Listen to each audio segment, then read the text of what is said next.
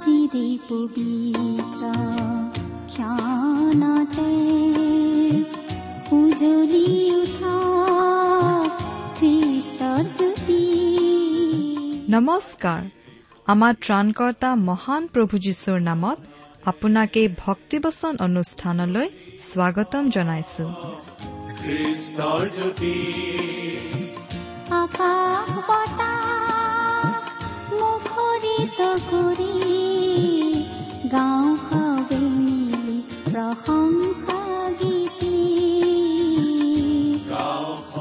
এয়া মুকলি কৰিছো। ঈশ্বৰৰ জীৱিত বাক্যৰ ধাৰাবাহিক অনুষ্ঠান ভক্তি বচন। আপোনাৰ জীৱনত যদি শান্তি পাব বিচাৰে তেন্তে এয়া ঈশ্বৰৰ বাক্যৰ সান্তনা বাক্য ভক্তি বচন। গতিকে আহক আজিৰ শিক্ষা শুনো।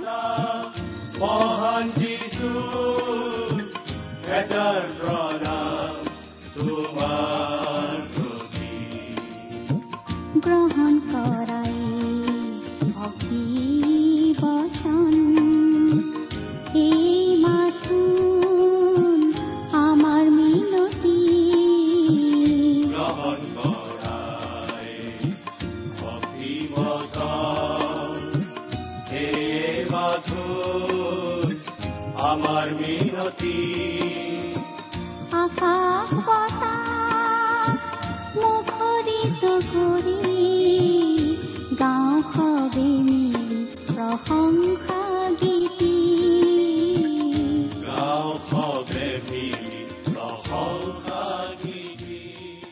আমাৰ পৰম পবিত্ৰ প্ৰভু যীশুখ্ৰীষ্টৰ নামত নমস্কাৰ প্ৰিয় শ্ৰোতা।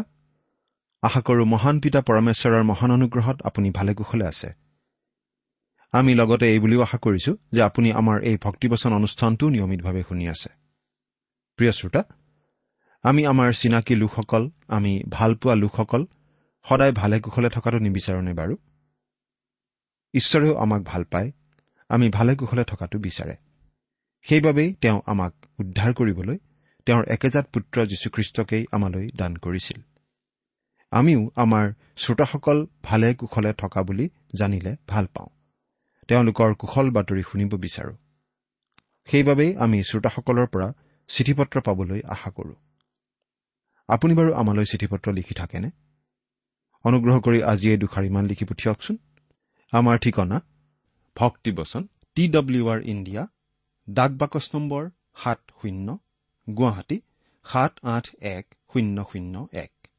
ভক্তিবচন T W R India postbox number seventy Guwahati seven eight one zero' zero' one. আমাৰ website W W W dot radio' eight eight two dot com প্ৰিয় শ্ৰোতা আপুনি বাৰু আমাৰ এই ভক্তিবচন অনুষ্ঠানটো নিয়মিতভাৱে শুনি আছেনে? আপুনি যদিহে আমাৰ এই অনুষ্ঠানটো নিয়মিতভাৱে শুনি আছে তেনেহলে আপুনি নিশ্চয় জানে যে আমি এতিয়া বাইবেলৰ পুৰণি নিয়ম খণ্ডৰ মিশা ভাৱবাদীৰ পুস্তক নামৰ পুস্তকখন অধ্যয়ন কৰি আছো। নহয় জানো? আমি এই পুস্তকখন চমুকৈ মিশা বুলিয়েই কওঁ। আপুনি বাৰু যোৱা অনুষ্ঠানটো শুনিছিলনে সেই অনুষ্ঠানত আমি কি আলোচনা কৰিছিলো? হয়তো আপোনাৰ অলপ মনত আছে।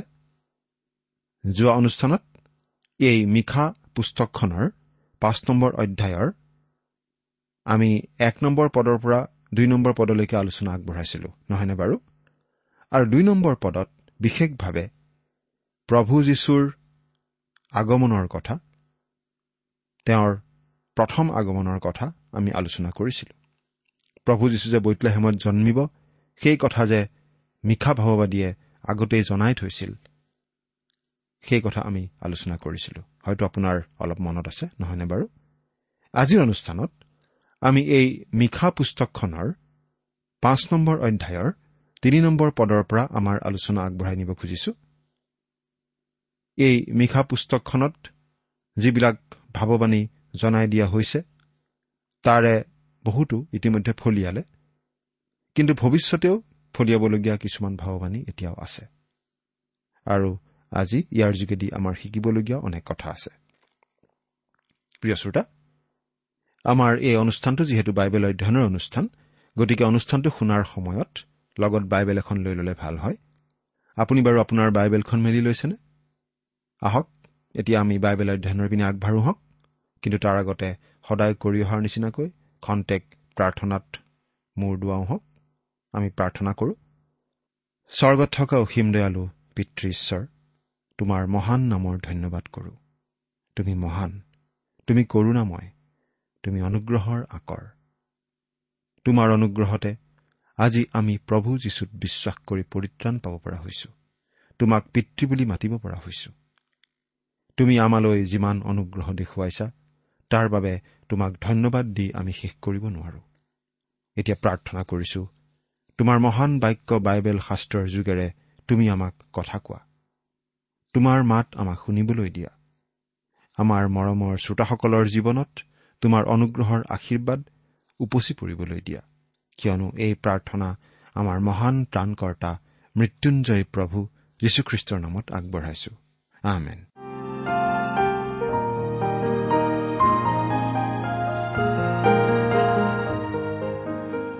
প্ৰিয় শ্ৰোতা মিশা ভাৱবাদীৰ পুস্তকৰ পাঁচ নম্বৰ অধ্যায়ৰ দুই নম্বৰ পদত আমি বিশেষভাৱে পালো প্ৰভু যীশুৱে মানৱ ৰূপ ধাৰণ কৰি বৈতলেহেমত জন্ম ল'ব বুলি মিশা ভাৱবাদীয়ে সাতশ বছৰ আগতেই জনাই দিয়া কথা। লগতে আমি এই কথাও পঢ়িবলৈ পালো যে প্ৰভু যীশু অনাদিকালৰ পৰাই আছে। বৈতলেহেমত তেওঁ কেৱল মানৱ ৰূপ ধাৰণ কৰিহে জন্মগ্ৰহণ কৰিছিল। এতিয়া আমি মিশা ভাৱবাদীৰ পুস্তকখনৰ পাঁচ নম্বৰ অধ্যায়ৰ তিনি নম্বৰ পদৰ পৰা এচোৱা সময়ৰ কথা পাম। প্ৰভু যীশুক ইছৰাইল জাতিয়ে প্ৰত্যাখ্যান কৰাৰ পৰা তেওঁ ভৱিষ্যতে এই পৃথিৱীত ন্যায় শাসন প্ৰতিষ্ঠা কৰিবলৈ ৰজা হিচাপে আহিবলগীয়া সময়লৈকে এই সময়ছোৱাৰ কথা। আহক এতিয়া বাইবেলৰ পৰা পাঠ কৰি দিম। পাঁচ নম্বৰ অধ্যায়ৰ তিনি নম্বৰ পদ ইয়াত এনেদৰে লিখা আছে এই হেতুকে প্ৰসৱকাৰিণীয়ে প্ৰসৱ নকৰালৈকে তেওঁ তেওঁবিলাকক ত্যাগ কৰিব। তেতিয়া তেওঁৰ ভাইবিলাকৰ অৱশিষ্ট ভাগ ইছৰাইলৰ সন্তানবিলাকলৈ ওলটি আহিব। এই পদটোতো প্ৰভু যীশুখ্ৰীষ্টৰ জন্মৰ বিষয়ে কোৱা হৈছে বুলি আপুনি হয়তো ভাবিব পাৰে। এই কথাটো সঁচা যে মৰিয়মৰো প্ৰসৱ বেদনা হৈছিল। কিন্তু আমি এই শাস্ত্ৰাংশ পঢ়োঁতে এই কথাও মনত ৰাখিব লাগিব যে ই আচলতে ইছৰাইল জাতিটোৰ কথাও বুজাইছে। ই তেওঁবিলাক গোটেই পৃথিৱীতে সিঁচৰতি হৈ পৰাৰ কথাটো বুজাইছে। ঈশ্বৰৰ পৰা শাস্তিস্বৰূপেই তেওঁলোক তেনেদৰে দেশান্তৰিত হ'ব লগা হৈছিল। লগতে তেওঁলোকৰ যি বেদনা সেইটোকো বুজাইছে। ভৱিষ্যতে আহিবলগীয়া মহাক্লেশৰ মাজেদি সেই জাতি পাৰ হ'ব লাগিব। সেয়া তেওঁলোকৰ ভয়াৱহ প্ৰসৱ বেদনা যেন হ'ব। তেতিয়া তেওঁৰ ভাইবিলাকৰ অৱশিষ্ট ভাগ ইছৰাইলৰ সন্তানবিলাকলৈ উভতি আহিব। অৰ্থাৎ যিহুদী লোকসকলক পৃথিৱীৰ চাৰিওপিনৰ পৰা আকৌ গোটাই লৈ অনা হ'ব। এতিয়া চাৰি নম্বৰ পদটো পাঠ কৰি দিম। আৰু তেওঁ থিয় হৈ জিহুৱাৰ শক্তিত নিজ ঈশ্বৰ জিহুৱাৰ নামৰ মহিমাত নিজৰ জাক চৰাব। আৰু তেওঁবিলাকে নিৰাপদে বাস কৰিব। কিয়নো তেওঁ পৃথিৱীৰ অন্তলৈকে মহান হ'ব। ইয়াত প্ৰভু যীশুখ্ৰীষ্টক এজন মেৰৰখীয়াৰ ৰূপত দেখুওৱা হৈছে যিজনে তেওঁৰ মেৰবিলাকক প্ৰতিপালন কৰে। তেওঁৱেই খ্ৰীষ্টীয় মণ্ডলীৰ প্ৰকৃত মেৰৰখীয়া প্ৰকৃত পালক। তেওঁ ইছৰাইল জাতিৰো পালক যিজন বৈতলেহেমত জন্মিছিল যিজনক প্ৰত্যাখ্যান কৰা হৈছিল। সেইজনেই মেৰবিলাকক অৰ্থাৎ ইছৰাইলৰ লোকবিলাকক প্ৰতিপালন কৰিব। তেওঁৰ মেৰৰখীয়াৰ ৰূপতকৈ আন কিবা সুন্দৰ ৰূপ আমি কল্পনা কৰিব নোৱাৰো। সেই মেৰখীয়াৰ ৰূপটোৱে দেখুৱাই তেওঁ লোৱা যত্ন তেওঁ দিয়া প্ৰতিৰক্ষা আৰু তেওঁ দিয়া পৰিত্ৰাণৰ কথা। তেওঁৱেই হৈছে মেৰবিলাকক বচাবলৈ নিজৰ প্ৰাণ পৰ্যন্ত দিয়া সহজ মেৰ ৰখীয়া। গীতমালা বাইছ নম্বৰ গীতত আমি এই ভাৱটো পাওঁ। তেওঁৱেই হৈছে বৰ্তমান অৱস্থাত মেৰবিলাকক প্ৰতিপালন কৰি থকা মহান ৰক্ষক। গীতমালা তেইছ নম্বৰ গীতত এই ভাৱটো ফুটি উঠা আমি পাওঁ। আৰু তেওঁৱেই হৈছে ভৱিষ্যতে গৌৰৱ মহিমাৰে আহিবলগীয়া প্ৰধান ৰক্ষক। গীতমালা চৌব্বিছ নম্বৰ গীতত এই বিষয়টো আমি বিশেষভাৱে পাওঁ। অৰ্থাৎ প্ৰভু যীশুৰ মেৰৰখীয়া ৰূপটোতেই তেওঁৰ পৰিচৰ্যাৰ গোটেইকেইটা দিশ প্ৰকাশ পায়। এতিয়া পাঁচ নম্বৰ পদৰ পৰা চাওঁ হওক। আৰু সেইজনাই আমাৰ শান্তি হ'ব। যেতিয়া অচুৰে আমাৰ দেশত সোমাই আমাৰ অট্টালিকাবোৰত ভৰি দিব তেতিয়া আমি তাৰ অহিতে সাতজন ভেড়াৰখীয়া আঠজন প্ৰধান লোকক তুলিম। যিচয়া ভাৱবাদীৰ ভাৱবাণীৰ নিচিনাকৈ ইয়াতো ইছৰাইল জাতিৰ বিৰুদ্ধে শেষকালত আহিবলগীয়া শত্ৰুৰ বিষয়ে কোৱা হৈছে। মিশা ভাৱবাদীৰ দিনত অচুৰীয়াবিলাক আছিল অতি নিষ্ঠুৰ আৰু সেই অচুৰীয়াবিলাকে উত্তৰৰ ৰাজ্য অৰ্থাৎ ইছৰাইল ৰাজ্য আক্ৰমণ কৰি পৰাস্ত কৰি ইছৰাইলীয়াবিলাকক বন্দী কৰি লৈ গৈছিল। তেতিয়া আমি তাৰ অহিতে সাতজন ভেড়াৰখীয়া আঠজন প্ৰধান লোকক তুলিম। এই দুয়োটা সংখ্যাই সম্পূৰ্ণতা বুজোৱা যেন লাগে। অৰ্থাৎ ইয়াত এই কথাটো বুজোৱা হৈছে যে তেওঁলোকৰ কাৰণে ঈশ্বৰে প্ৰয়োজনীয় ব্যৱস্থা ল'ব। এই সংখ্যা দুটাই এনে যথেষ্টতা আৰু সম্পূৰ্ণতাৰ ভাৱ প্ৰকাশ কৰা আমি আন আন ঠাইতো পাওঁ। ছয় নম্বৰ পদ। তেওঁবিলাকে তৰোৱালেৰে অচুৰ দেশ নগৰবোৰৰ দুৱাৰত নিমৰোদৰ দেশ উচ্ছন্ন কৰিব। যেতিয়া অচুৰে আমাৰ দেশত সোমাই আমাৰ সীমাৰ ভিতৰত ভৰি দিব তেতিয়া তেওঁ সিহঁতৰ পৰা আমাক উদ্ধাৰ কৰিব। তেওঁবিলাকে তৰোৱালেৰে অচুৰ দেশ উচ্ছন্ন কৰিব। ইয়াত সেই আহিবলগীয়া শেষকালৰ বিষয়ে ভৱিষ্যৎবাণীটো চলিয়েই আছে।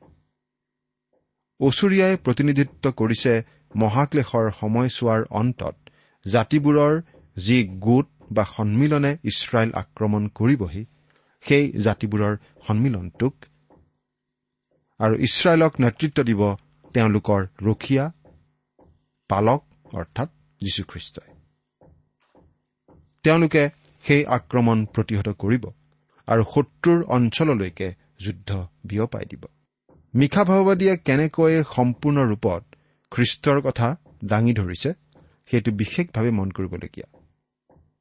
প্ৰথমতে খ্ৰীষ্টক তেওঁ দাঙি ধৰিছে বৈতলেহেমত জন্মগ্ৰহণ কৰিব লগা জনা বুলি। যেতিয়া তেওঁ এই পৃথিৱীত জন্মিছিল তেওঁ মানৱীয়তা গ্ৰহণ কৰিছিল। আমি মনত ৰখা উচিত যে তেওঁ নিজকে নম্ৰ কৰি পৃথিৱীত মানুহ ৰূপত জন্মগ্ৰহণ কৰিছিলহি। আপোনালোকে বাইবেলৰ পৰা চাব পাৰে। ফিলিপিয়া দুই নম্বৰ অধ্যায়ৰ পাঁচৰ পৰা আঠ নম্বৰ পদলৈকে। ফিলিপিয়া দুই নম্বৰ অধ্যায়ৰ পাঁচৰ পৰা আঠ নম্বৰ পদ। আমি আচলতে নিজক নত নকৰো। কেতিয়াবা আনেহে আমাক নত কৰে। কিন্তু খ্ৰীষ্টই নিজেই নিজক নত কৰিছিল। খ্ৰীষ্টই নিজকে শূন্য কৰিছিল। তেওঁ নিজকে কিহৰ পৰা শূন্য কৰিছিল? তেওঁৰ ঐশ্বৰিকতাৰ পৰা শূন্য কৰা নাছিল। মাকৰ কোলাত অতি নিমাখিত শিশুৰ দৰে শুই থকা সেই শিশুটিয়ে মুখৰ বাক্যেৰে এই বিশ্ব জগতখন নোহোৱা কৰি পেলাব পাৰিলেহেঁতেন। তেওঁ শতকৰা এশভাগ ঈশ্বৰ আৰু শতকৰা এশভাগ মানুহো। কিন্তু তেওঁ নিজকে সীমাবদ্ধ কৰি ৰাখিলে। তেওঁ স্ব ইচ্ছাই নিজকে সীমাবদ্ধ কৰি ৰাখিলে। আমি স্ব ইচ্ছাই নিজকে সীমাবদ্ধ নকৰো বৰং আমি নিজকে বঢ়াওঁ আমাৰ সীমা বঢ়াওঁহে। আমি আক্ৰমণমুখী আমি জিকিব বিচাৰো জয় কৰিব বিচাৰো আনক পৰাস্ত কৰিব বিচাৰো আমি শীৰ্ষস্থানত থাকিব বিচাৰো। মানুহে নিজক প্ৰতিষ্ঠা কৰিব বিচাৰে। মানুহ আত্মকেন্দ্ৰিক মানুহ স্বাৰ্থপৰ। কিন্তু যীশুখ্ৰীষ্ট হৈছে মেৰ ৰখীয়া তেওঁ কোনো ৰাজকীয় নগৰত জন্মগ্ৰহণ কৰা নাছিল। কোনো ৰাজধানীত তেওঁ জন্ম লোৱা নাছিল। কিন্তু গুৰুত্বহীন চহৰ বৈতলেহেমতহে তেওঁ জন্মগ্ৰহণ কৰিছিল আৰু জন্মিছিল এটা গোহালি ঘৰত।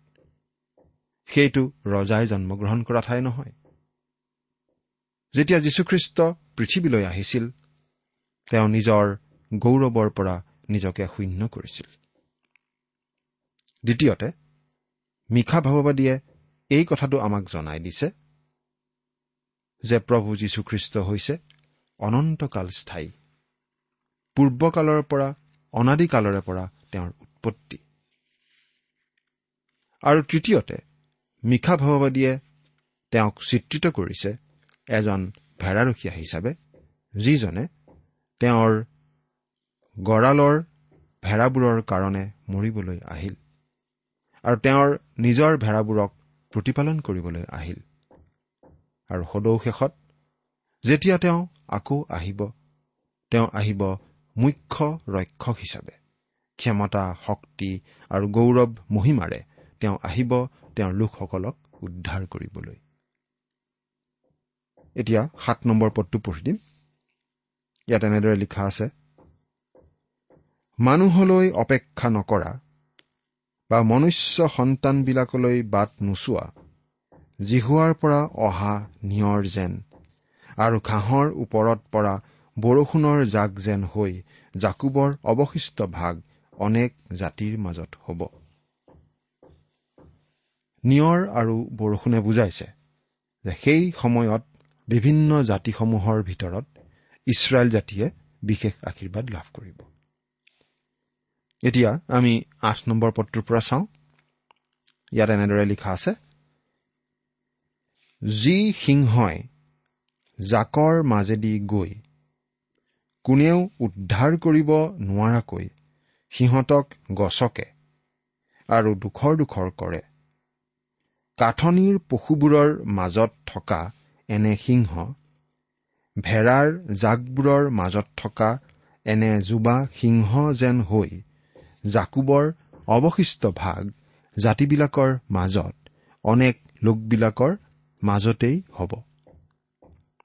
প্ৰিয় শ্ৰোতা ইয়াত মিশা ভাৱবাদীয়ে যিখন ছবি দাঙি ধৰিছে এই ছবিখন বৰ্তমান যুগৰ যি ইছৰাইল ৰাজ্য বা ইছৰাইল জাতি সেই ইছৰাইলৰ লগত খাপ নিশ্চয় নাখায় নহয় জানো? আমি জানো যে বহু বছৰ ধৰি ইছৰাইল জাতি আৰু ইছৰাইল দেশ অতি বিপদজনক আৰু চিন্তনীয় পৰিস্থিতিতহে থাকিব লগা হৈছে। কিন্তু ইয়াত আমি পাইছো যে সৰ্বশক্তিমান ঈশ্বৰে প্ৰতিজ্ঞা কৰিছে যে ভৱিষ্যতে যেতিয়া ইছৰাইলে ঈশ্বৰক মানিব আৰু ঈশ্বৰৰ সৈতে সহভাগিতাত দিন কটাব তেতিয়া তেওঁ ইছৰাইলক জাতিবিলাকৰ নেজ নহয় মূৰ স্বৰূপ কৰিব। দ্বিতীয় বিৱৰণ আঠাইছ নম্বৰ অধ্যায়ৰ তেৰ নম্বৰ পদ পঢ়িলেও আমি এই কথা বুজি পাওঁ। আপোনালোকে পঢ়ি চাব পাৰে। পদটো কৈ দিছো আপোনালোকে লিখি থব পাৰে। দ্বিতীয় বিৱৰণ আঠাইছ নম্বৰ অধ্যায়ৰ তেৰ নম্বৰ পদ। এতিয়া ন নম্বৰ পদৰ পৰা পাঠ কৰি দিম। ইয়াত কি কৈছে চাওঁচোন। তোমাৰ হাত তোমাৰ শত্ৰুবোৰৰ ওপৰত তোলা হওক। আৰু তোমাৰ আটাই শত্ৰুক উচ্ছন্ন কৰা হওক। অৰ্থাৎ সেই গৌৰৱময় দিন যেতিয়া আহিব সেই দিনত ঈশ্বৰে তেওঁলোকক অৰ্থাৎ ইছৰাইলীয়া লোকসকলক তেওঁবিলাকৰ শত্ৰুবিলাকৰ ওপৰত বিজয়ী কৰিব। এতিয়া দহ নম্বৰ পদটো চাওঁচোন। আৰু জিহুৱাই কৈছে সেইদিনা মই তোমাৰ মাজৰ পৰা তোমাৰ ঘোঁৰাবোৰ উচ্ছন্ন কৰিম আৰু তোমাৰ ৰথবোৰ বিনষ্ট কৰিম। প্ৰিয় শ্ৰোতা প্ৰভু যীশুখ্ৰীষ্টই এই পৃথিৱীত এহেজাৰ বছৰীয়া শাসন চলাব বুলি মানিব নোখোজা। কিছুমান লোকে। হয়তো এই পদটোত আমি যিখিনি কথা পালো এই কথাখিনি বেলেগ ধৰণে ব্যাখ্যা কৰিব বিচাৰিব পাৰে। কিন্তু মিশা ভাৱবাদীয়ে এই কথাখিনিৰ মাজেৰে আমাক নিশ্চিতভাৱে এইটোকেই জনাই দিব বিচাৰিছে যে এই ঘটনা ঘটিব সেই অন্তিম কালত। আহিবলগীয়া সেই অন্তিম কালত। সেইটো এতিয়াও ভৱিষ্যতে ঘটিবলগীয়া ঘটনা হৈয়ে আছে। অৰ্থাৎ এই ভাৱবাণী এতিয়ালৈকে ফলিওৱা নাই কিন্তু ভৱিষ্যতে ফলিয়াব। এতিয়া এঘাৰ নম্বৰ পদৰ পৰা চাম। ইয়াত এনেদৰে লিখা আছে মই তোমাৰ দেশৰ নগৰবোৰ উচ্ছন্ন কৰিম আৰু তোমাৰ দৃঢ় কোঠবোৰ ভাঙি পেলাম। ইয়াৰ মাজেদি এই ভাৱটো প্ৰকাশ কৰা হৈছে যে ঈশ্বৰে ইছৰাইল জাতিৰ পৰা সেই সকলোবোৰ আঁতৰ কৰি পেলাব যিবোৰৰ ওপৰত ইছৰাইল জাতিয়ে ভৰসা কৰি চলিবলৈ শিকিছে। সেইবোৰনো বাৰু কি? ঘোঁৰা ৰথ আৰু দেৱালেৰে আবৃত্ত সুসজ্জিত নগৰ। তেওঁলোকৰ বাবে সেইবোৰৰ আৰু কোনো প্ৰয়োজন নোহোৱা হ'ব। কাৰণ তেওঁলোকৰ মচি হয় অৰ্থাৎ যীশুখ্ৰীষ্টই এই পৃথিৱীলৈ শান্তি আনিব।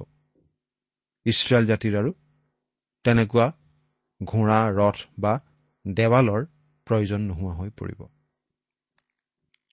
বাৰ আৰু তেৰ নম্বৰ পদ। মই তোমাৰ হাতৰ পৰা আটাই মায়া কাৰ্য উচ্ছন্ন কৰিম। তোমাৰ গণক আৰু নহ'ব। মই তোমাৰ মাজৰ পৰা তোমাৰ কটা প্ৰতিমাবোৰ আৰু তোমাৰ স্তম্ভবোৰ উচ্ছন্ন কৰিম। তুমি নিজৰ হাতৰ কাৰ্যৰ আগত আৰু প্ৰণিপাত নকৰিবা। প্ৰিয় শ্ৰোতা তেওঁ প্ৰতিমাৰ সেৱা পূজা কৰা প্ৰথা ভুৱা ধৰ্ম আদি নোহোৱা কৰি পেলাব। নানাবিধ মায়া কাৰ্য গণক বিদ্যা আদিও তেওঁলোকৰ মাজৰ পৰা ঈশ্বৰে নোহোৱা কৰি পেলাব।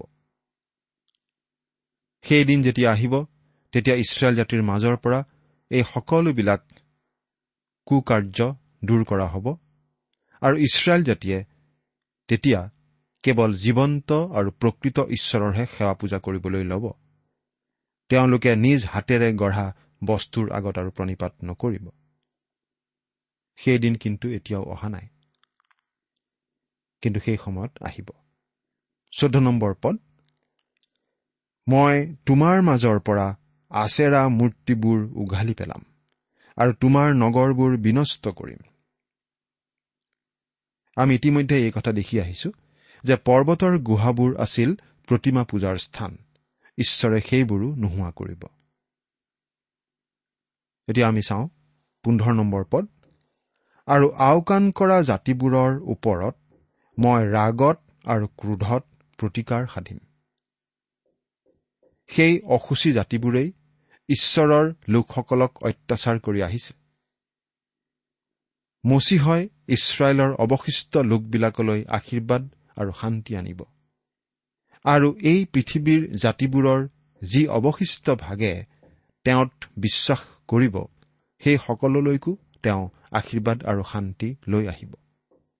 কিন্তু তেওঁক আওকাণ কৰা জাতিবোৰৰ ওপৰত তেওঁ ৰাগত আৰু ক্ৰোধত প্ৰতিকাৰ সাধিব।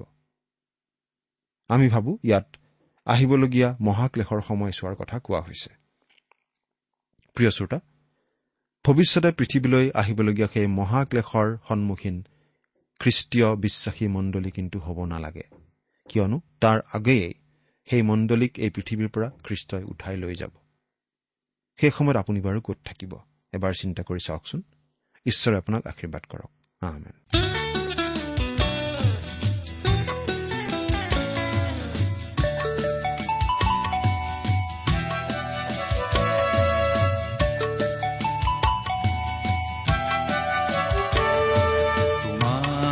কাষলে আহিছো পিতা আজি মোক জিৰণি দিয়া। কৰোণা মাগিছো পিতা তুমি মোক কাবতি লোৱা তোমাৰ কাষলে আহিছো পিতা আজি মোক জিৰণি দিয়া তোমাৰ কৰোণা মাগিছো পিতা তুমি মোক কাবতি লোৱা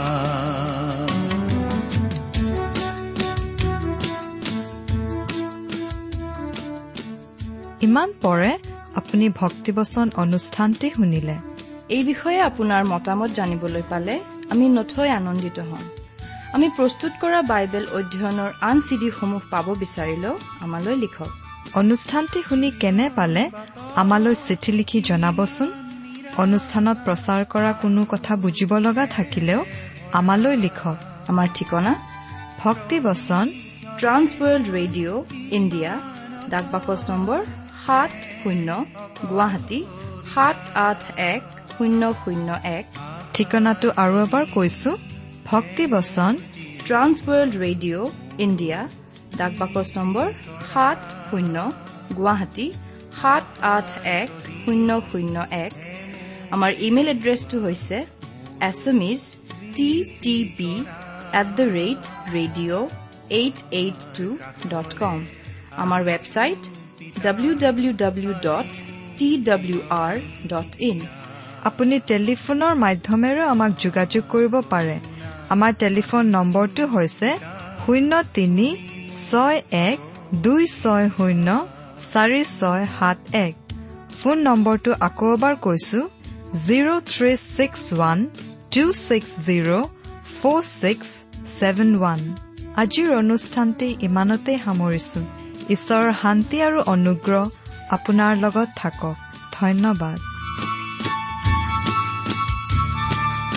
মোৰে জীৱন আজি সপিলো যিছু তোমাৰে কাষ। প্ৰতিশ্ৰুতি মোৰ তোমাৰ চৰণত চলিম তোমাৰে পথ। মাথো আজি তোমাৰ প্ৰেমেৰে জীৱন পূৰ্ণ কৰা মাথো আজি তোমাৰ প্ৰেমেৰে জীৱন পূৰ্ণ কৰা তোমাৰ কাষলে আহিছো পিতা আজি মোক জিৰণি দিয়া মাগিছো পিতা তুমি মোক সাৱতি লোৱা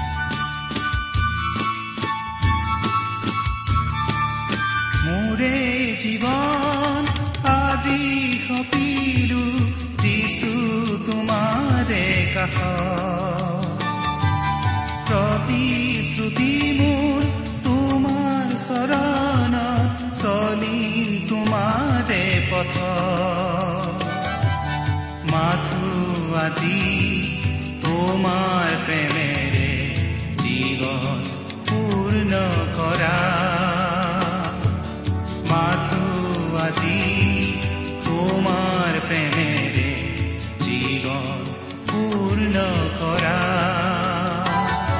তোমাৰ কাষলে আহিছো পিতা আজি মোক জিৰণি দিয়া।